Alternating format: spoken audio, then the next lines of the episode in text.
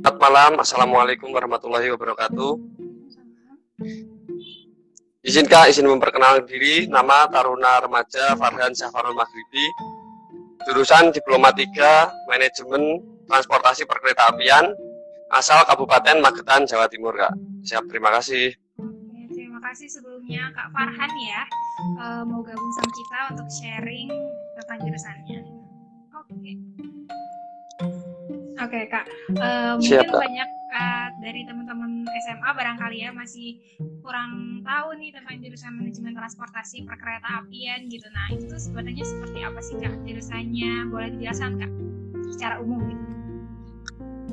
Siap, terima kasih. Izin menyampaikan untuk em, jurusan D3 Manajemen Transportasi Perkereta Apian. Itu sendiri kita membahas semua tentang perkereta apian. Jadi mulai dari nol masih eh, berupa tanah, kita membangun kereta api hingga kemudian kita pengembangannya di kemudian hari. Jadi mulai dari pembangunan rel, jembatan, terowongan, lalu tentang persinyalan, lalu tentang prasarana, sarana, dan keselamatannya juga, pola operasi juga. Jadi seperti itu kak. Jadi membahas mengkaji menyeluruh gitu ya uh, tentang perkereta apian gitu ya. Siap kak. Nah, terus dulu apa sih yang jadi alasan milihnya ke jurusan ini gitu dibandingkan jurusan lain? Siap izin. Jadi dulu eh, sebelum masuk sini saya di SMA itu sudah ya bisa dibilang penggemar kereta api lah kak. Jadi sejak dulu sudah tertarik dengan kereta api. Lalu kemudian saya juga ikut di komunitas pecinta kereta api juga.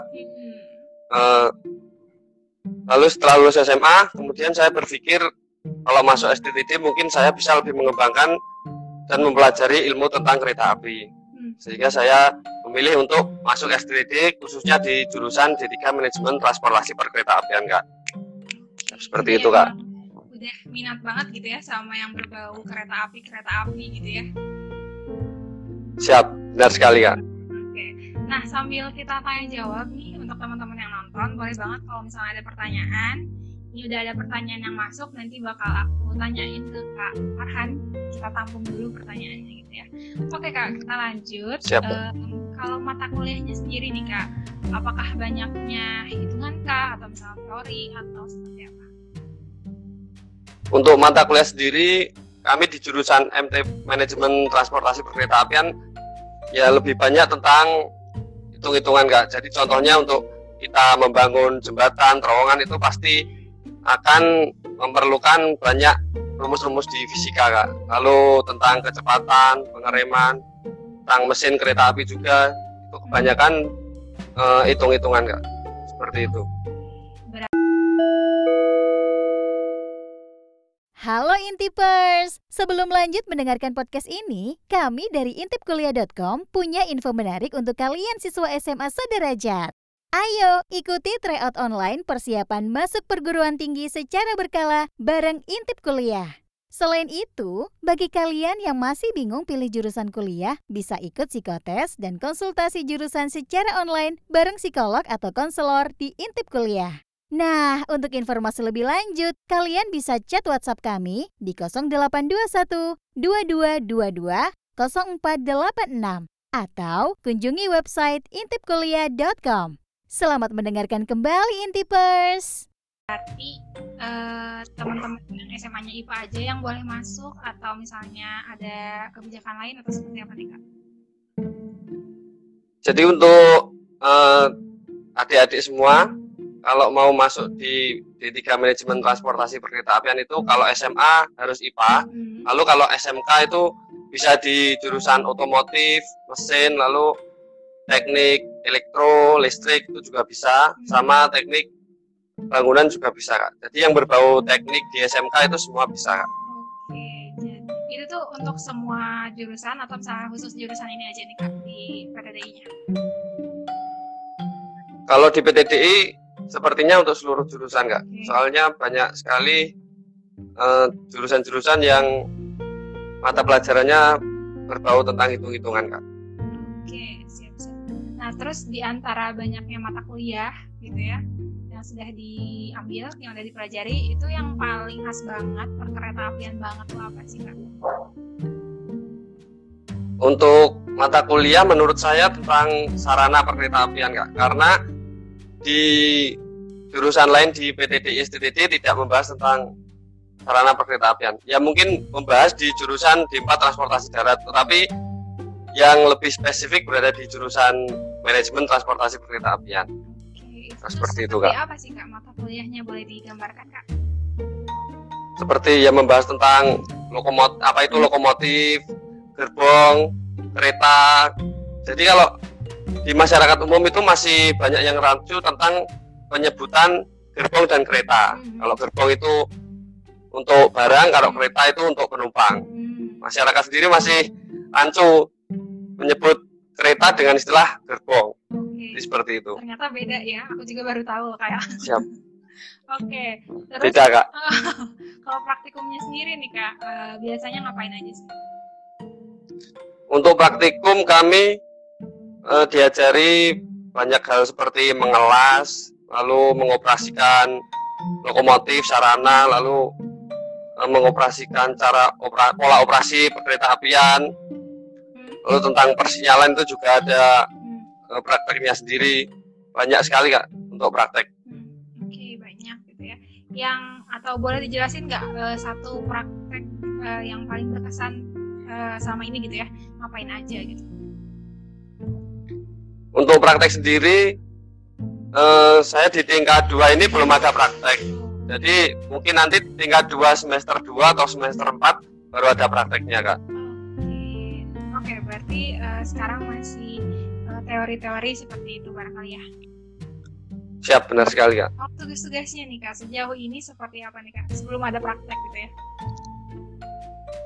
Untuk tugas-tugasnya kita ya mungkin ada survei juga di lapangan. Hmm, Kita selama PJJ ini ada survei di stasiun juga tentang eh, kelebaran rel, lalu tentang pemasangan penambat rel juga.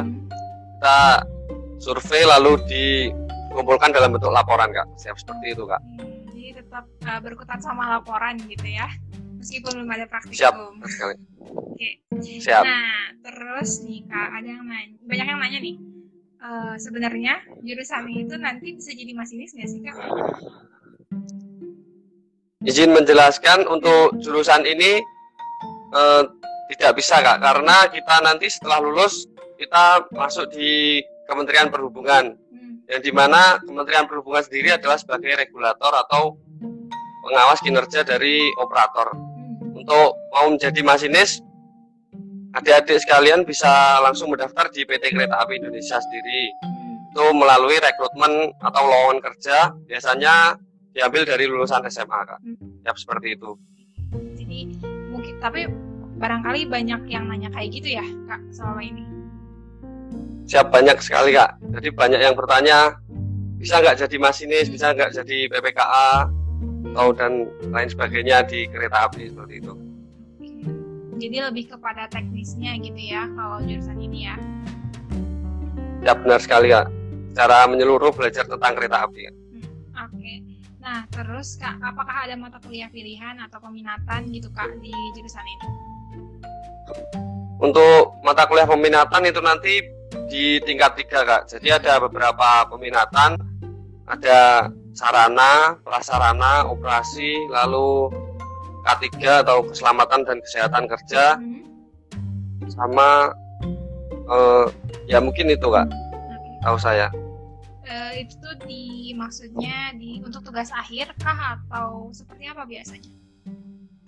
Biasanya itu sebelum PKL kak. Jadi Hmm, sebelum PKL eh, para taruna dan taruni biasanya memilih eh, materi pilihannya atau peminatannya itu. Jadi nanti waktu eh, PKL diterapkan di dunia PKL, lalu di, dilaporkan dalam eh, tugas akhir kak. hmm, Oke. Kalau PKL-nya berarti eh, biasanya di mana aja nih? Pasti nggak jauh-jauh dari kereta api atau gimana? Untuk PKL yang pasti tidak jauh dari kereta api kak. Misalnya di Daop-Daop, di Divre kalau Sumatera, lalu ada di Balai Teknik Perkereta Apian, ada di balai pengujian perkereta apian juga ada ada MRT LRT di Jakarta itu biasanya di situ kak Oke. Nah, terus Kak, tadi em, aku mau tadi kan sedikit dijelaskan tentang seleksi masuk ya. Nah, Kak boleh dijelaskan lebih lanjut nggak eh, tentang jalur mas, eh, bukan jalur masuk, seleksi masuknya tuh apa aja gitu Kak? Untuk seleksi masuk kurang lebih sama seperti jurusan lainnya kak. Hmm. jadi kita tetap yang pertama itu tes SKD dulu kak. Tes CPNS itu.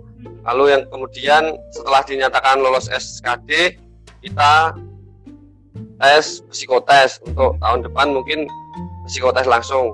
Hmm. karena TPA tahun kemarin sudah tidak ada kak. Hmm.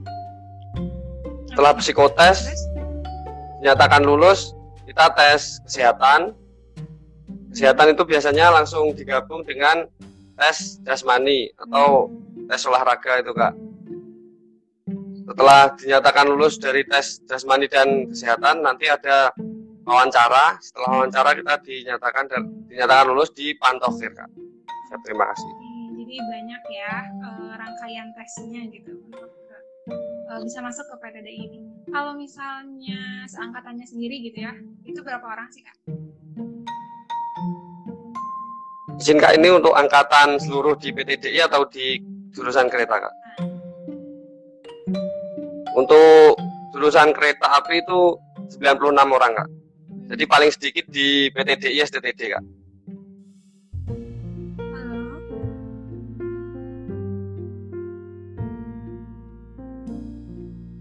untuk jurusan kereta 96 orang kak.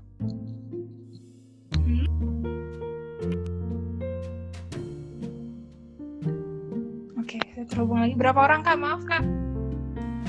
untuk jurusan kereta ada 96 orang kak Oke, putus-putus ya teman-teman.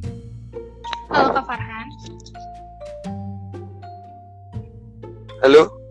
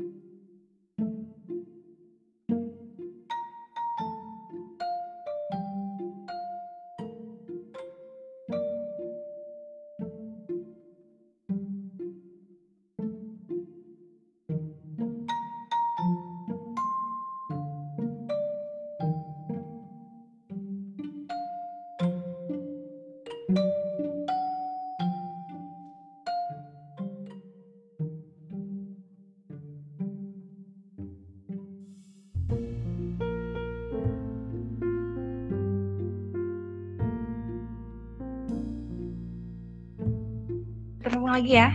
Mohon maaf kak tadi ada gangguan barangkali ya. Kita siap kak Nah kak, boleh nggak kan tadi rangkaian tesnya banyak ya? Pastinya eh, butuh persiapan dong ya.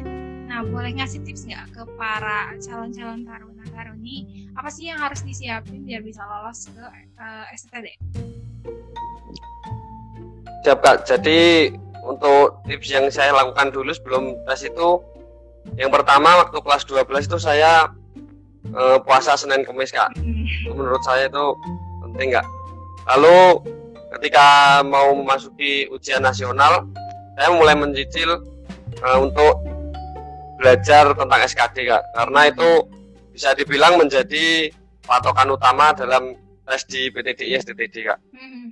jadi setiap setiap mungkin dua minggu sekali atau mungkin satu minggu sekali saya belajar tentang SKD kak Hmm. setelah saya lulus SMA saya baru lebih saya seringkan untuk belajar SKD tersebut mungkin bisa full seminggu kita belajar SKD seperti itu kak Oke, jadi memang persiapannya harus dari jauh-jauh hari gitu ya kak ya? siap benar sekali kak Hmm. Eh, nah kak, kalau misalnya di STD sendiri itu ada sistem drop out atau gimana nih kak? Biasanya di PTK itu ada ya? Siap ada kak. Untuk sistem dropout sendiri, eh, kalau biasanya paling parah kalau sudah mencontek kak, itu sudah harga mati kak. Hmm, Itu pasti di dropout. Kak. Oke, nah kak. Di STTD sangat di, diharamkan kak, untuk untuk mencontek. Nah, kalau selain itu mungkinnya melanggar aturan gitu ya dengan mencontek. Ada batas eh, ada batas minimal IP-nya nggak setiap semester? Untuk minimal IP di STTD itu 2,75 kak. Oke. Jika dirasa kurang dari itu Hmm, bisa diremedi kak. Tetapi dalam maksimal tiga kali remedi kalau masih eh, kurang dari IPK tersebut bisa ditahan tingkat kak atau tinggal tingkat. tinggal tingkat ya namanya ya. Siap kak. Nah, kalau tadi kan tips untuk para calon taruna-taruni gitu ya. Kalau untuk yang udah masuk nih, udah keterima nih, apa sih yang harus disiapkan atau apa sih yang harus dilakukan biar bisa survive gitu sampai nanti lulus? Untuk yang sudah masuk, yang paling penting kita ikutin aja apa kegiatan yang ada di STTD kak. Hmm. Jadi kita belajar, kita ikuti dengan bersemangat. Seperti kegiatan ketarunaan kita juga harus mengikuti dengan semangat karena semua itu pasti akan berdampak positif bagi kita semua di mau baik di kampus maupun di dunia kerja kelak. Hmm. Karena pada intinya kita di STTD ini dididik untuk disiplin nggak? Seperti lagi? itu nggak? Oke, jadi let it flow gitu ya, diikutin aja dengan sungguh-sungguh berarti ya segala kegiatannya. Ya benar kak. Oke, nah terus kak, eh, aku mau nanya nih tentang prospek kerja. Eh, kan biasanya ditempatkan gitu ya. Nah kalau bagian spesifiknya dari jurusan itu biasanya kerjanya di bagian universitas. Untuk di jurusan manajemen transportasi perkeretaapian ini kita kebanyakan ditempatkan di Kementerian Perhubungan di Direktorat Jenderal Perkeretaapian kak. Itu di situ ada beberapa eh, balai, jadi ada balai teknik perkeretaapian, ada balai pengujian, lalu ada balai perawatan untuk di balai pengujian sendiri nanti kita setelah lulus ada diklat lagi sebagai diklat penguji kak. Jadi ada eh, kompetisi kompetensi tambahan untuk seorang penguji seperti itu kak. Jadi eh, itu ya gitu bidang-bidang pekerjaannya nanti dan itu tuh harus siap ditempatkan di mana aja atau gimana nih kak? Untuk yang Polbit Kemenhub kita harus siap ditempatkan di mana saja. Kalau di Polbit Pemda kita sudah pasti di daerah tersebut. Yang awal masuk kita daftar, jadi kita kembali ke daerah itu, itu lagi. Kak, aku nggak tahu nih polbit polbit itu tuh apa sih kak boleh jelasin nggak? Mungkin dari teman-teman sih juga Jadi- kurang tahu gitu ya. Siap. Hmm. Jadi Polbit itu pola pembibitan kak. Itu bisa dibilang seperti ikatan dinasnya atau MOU-nya kak. Jadi kalau yang di daerahnya belum ada MOU dengan PTD ISTTD itu bisa mendaftar di mendaftar ke Polbit Kementerian Perhubungan kak. Seperti itu. Oke, oke. Nah terus kak, boleh di sebelum kita ke pertanyaan pertanyaan dari teman-teman nih kak, pertanyaan terakhir dari aku tentang rencana dan harapan nih kak ke depannya. Boleh di share kak? Siap, untuk rencana ke depannya saya akan tetap eh, belajar tentang perkereta apian walaupun sudah di usia nanti saya tetap ingin memajukan perkereta apian Indonesia tidak kalah seperti negara-negara di Eropa dan Asia Timur mungkin kak. Jadi seperti itu kak. Amin, semoga dilancarkan ya. siap. Amin. Terima kasih kak. Oke, kita langsung ke pertanyaan dari teman-teman karena sudah banyak juga dan kalau misalnya masih ada pertanyaan lain boleh banget nih teman-teman. Tinggal komen aja. Siap dijawab ya kak ya? siap kak. Em, kita scroll dulu, bentar. Hmm, ya? Kak, eh, Kak, Kak Farhan izin bertanya, apa benar perkereta apian akan buka dek 4? Izin menjawab Kak, untuk sementara ini masih rencananya akan buka Kak. Tapi sampai saat ini belum ada kelanjutannya Kak. Jadi rencana itu ada di empat rekayasa transportasi perkereta apian Kak. Tapi masih menunggu SK dari Dirjen Dikti Kak. Oke. Jadi eh, jadi harus stay up to date juga gitu ya tentang info-infonya. Bisa diakses di mana nih Kak info-infonya? Untuk info di PTDI STTD sendiri bisa dicek websitenya langsung di PTDI STTD. Nanti di situ sudah tertera eh, profil jurusan, lalu kegiatannya apa saja, lalu visi misinya juga ada di situ kak. Terus Kak, ada ini dari Doni Doni Amrul 5756. Kegiatan di asrama apa aja Kak? Siap untuk kegiatan di asrama kita paling sering itu olahraga kak. Jadi setiap pagi itu kita olahraga, lalu setelah kuliah kita juga ada olahraga sore juga. Jadi kita eh, bisa dibilang imbang antara olahraga dan juga akademiknya kak. Siap seperti itu kak. Jadi padat gitu ya, kegiatannya sudah terjadwal gitu. Siap kak. Hmm, terus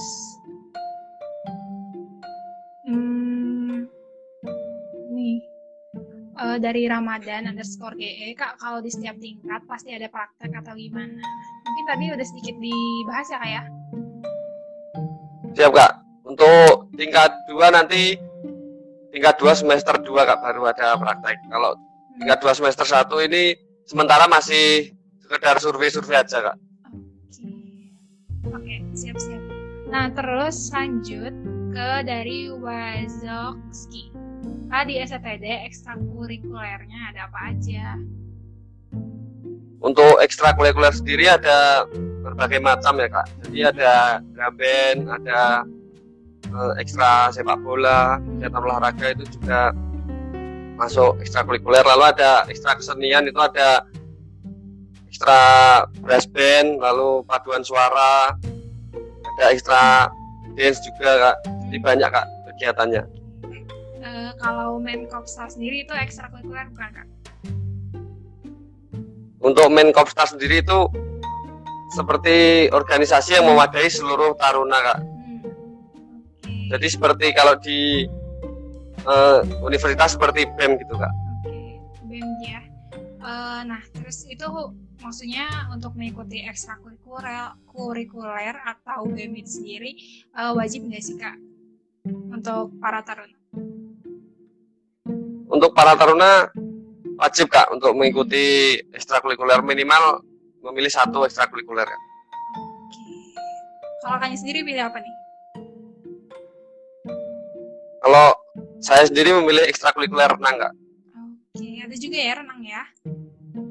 Siapa kak? Hmm, nah, terus kak, ini nih masih dari Wazowski. Kak di STD itu kalau lulus D3 kereta api, apa ada kelas lanjutannya ke D4? Dan apakah bila lulus, lulus D3 dan mendapat golongan 2C, apakah setelah ikut kelas lanjutan pangkatnya otomatis meningkat?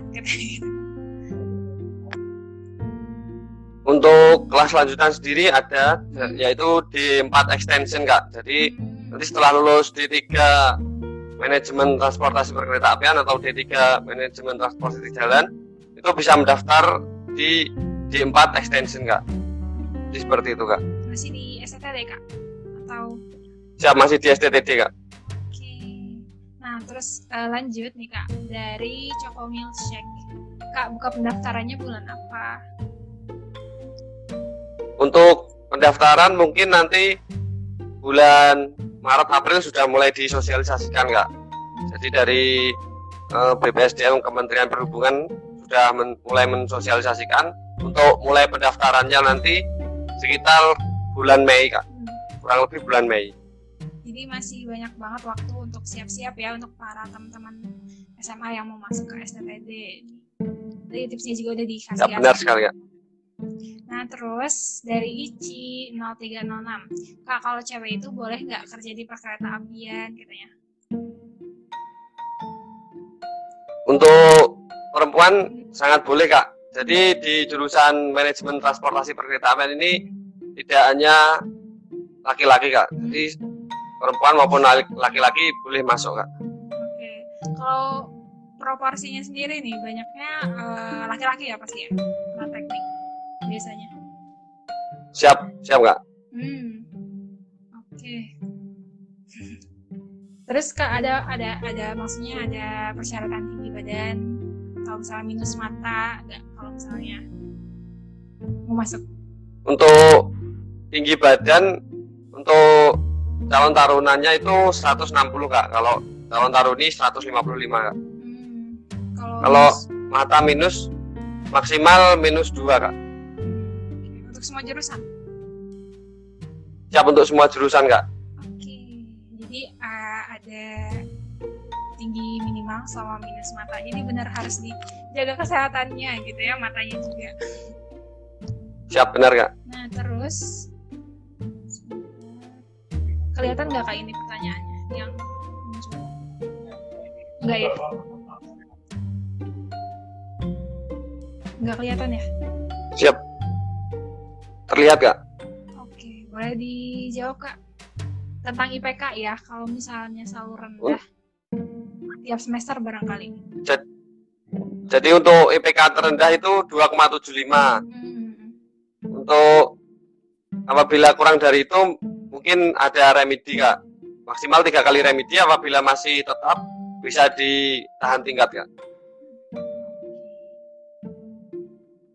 Terus sebentar. Eh, batas mata rabun sama kayak minus nggak sih kak?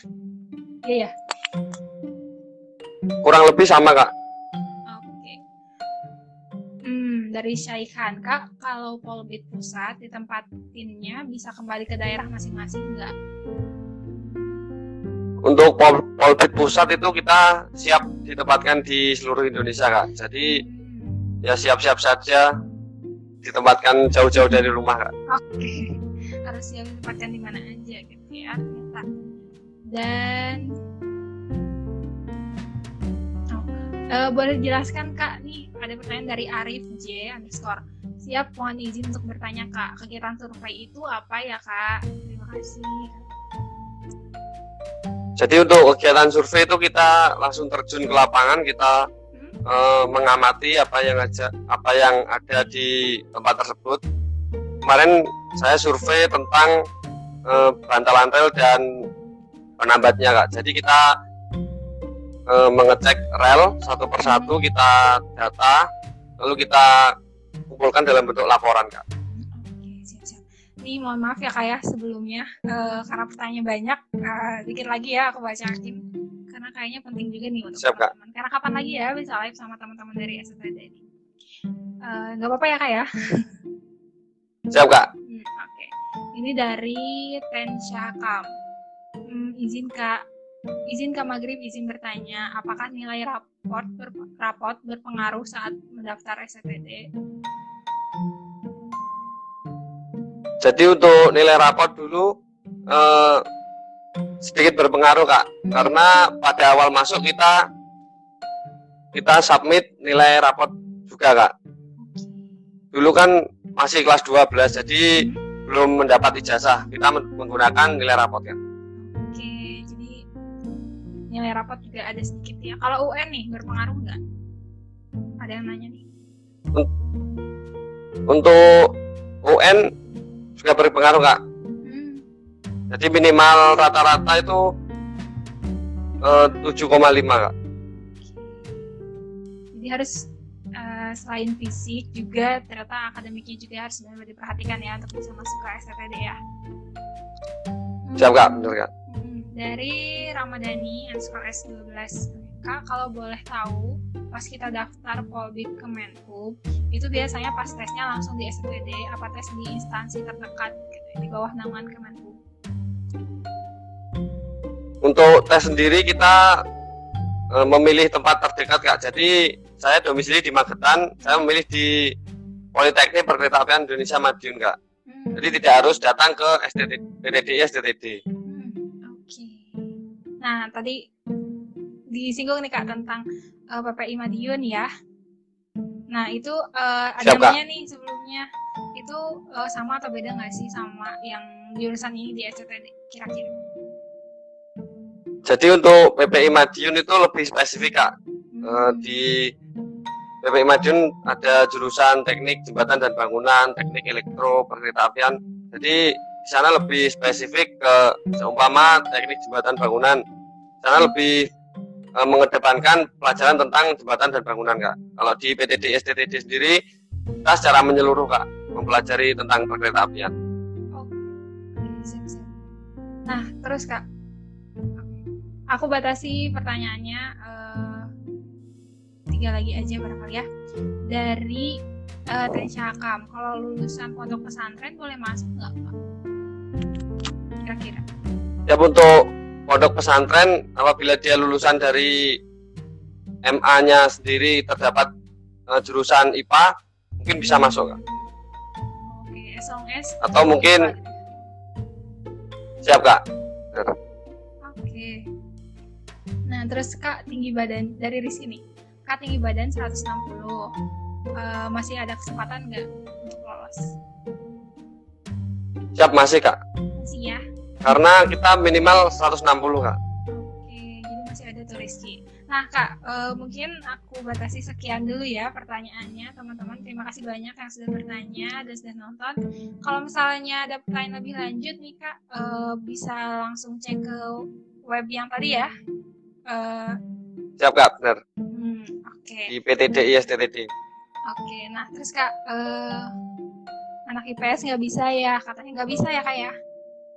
IPS. Siap tidak bisa Kak. Oke, mohon maaf nih Rian, ternyata tidak bisa anak IPS. Nah kak, terakhir sebelum kita menutup live kali ini, live-nya seru banget nih kak Farhan. Eh, mungkin boleh eh, sedikit disemangatin nih teman-teman yang mau masuk calon-calon taruna SCTD 2021, boleh kak mungkin disemangatin? Siap untuk adik-adik SMA yang akan lulus tahun 2021 tetap semangat, jangan menyerah, eh, tetap ikhtiar sama Allah Subhanahu wa taala dan jangan lupa meminta restu kepada kedua orang tua karena kedua orang tua adalah penyambung lidah dari Allah Subhanahu wa taala. Siap, terima kasih. udah disemangatin ya sama Kak Farhan ya semoga teman-teman calon-calon taruna SFD semangat menjadi semakin semakin semangat oke Kak Farhan nah sebelum kita menutup eh, live eh, kali ini Kak mungkin ada closing statement kata-kata eh, penutup dari Kakak nih boleh Siap, Kak. Tetap semangat dan lakukan yang terbaik. Insya Allah akan diberi jalan oleh Allah Subhanahu wa taala. Siap, terima kasih, Kak. terima kasih Kak Farhan sudah mau gabung sama kita sukses terus ya amin Siap, Kak. Terima kasih. terima kasih Eh, semoga sehat selalu dan sukses terus terima kasih ya Siap, terima kasih. Siap sama-sama, Kak. Iya